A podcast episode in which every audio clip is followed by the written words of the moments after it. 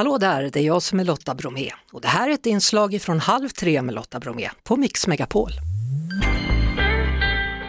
Ja, idag har vi kunnat läsa om Magdalena Anderssons och Ebba Buschs valaffischbråk som tydligen ägde rum på toaletten strax innan debatten. Och häromdagen, ja då hittade jag ihopknycklade valaffischer i mitt grovsoprum. Jojo! Hur ligger det till egentligen? Vad får man göra och inte med en valaffisch? Med oss nu Stina Stener som är så kallad valåklagare. Välkommen till Halv tre. Tack så mycket. Ja, om man är en valåklagare, vad gör man då egentligen?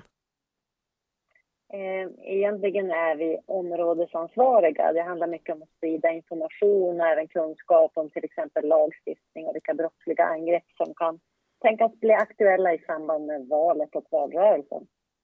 Eh, när jag går ner i grovsoprummet och hittar en, ett gäng med eh, valaffischer från ett specifikt parti som någon har slängt där, är det tillåtet? Eh, det är det normalt sett inte, om inte partiet själv har valt att lägga dem där. Det skulle kunna tänkas utgöra ett egenmäktigt förfarande om någon plockar ner valaffischer och lägger dem i till exempel soprum. Ja, du har hört och förmodligen läst om det här att Magdalena Andersson och Ebba Busch diskuterar om någon har rivit ner den andres och sen satt upp nya och så. Är det brottsligt? Det skulle det kunna vara. Eh, att eh, helt enkelt olovligen ta eller tillgripa något, det utgör, kan utgöra till exempel ett egenmäktigt förfarande och om man dessutom tar, om man skulle ta någonting i, i syfte att själv tillägna sig det så kan det utgöra en stöld. Men då ska man ju vilja behålla det här, då ska man inte lägga i något soprum eller bara riva ner det. Mm. Så det kan ju utgöra brott beroende på vad som har hänt.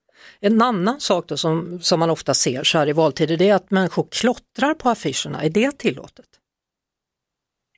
Nej, det skulle kunna utgöra förstörelse, det vill säga en skadegörelse eh, av valaffischerna. Ehm, så det kan också bli aktuellt om det vandaliseras eller klottras på dem på något sätt. Så vad får man för straff i så fall om man gör något av det vi har talat om? Mm. För skadegörelse är straffskalan fängelse i högst två år eh, om det inte bedöms som ett ringa brott. Då är det böter eller fängelse i högst sex månader. Eh, och när det gäller egenmäktigt förfarande så är straffskalan då böter eller fängelse i högst ett år. Och var man landar inom det, det beror helt enkelt på vad man har gjort och hur omfattande det är. Tack så mycket Stina Stener, valåklagare. Kul att få lära sig lite mer om det där. Hörru. Ja, tack så Vi hörs såklart på Mix Megapol varje eftermiddag vid halv tre.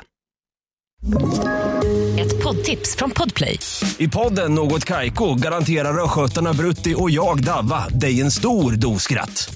Där följer jag pladask för köttätandet igen. Man är lite som en jävla vampyr. Man har fått lite blodsmak och då måste man ha mer. Udda spaningar, fängslande anekdoter och en och annan arg rant. Jag måste ha mitt kaffe på morgonen för annars är jag ingen trevlig människa. Då är du ingen trevlig människa, punkt. Något Kaiko, hör du på Podplay. Därför är gardinerna.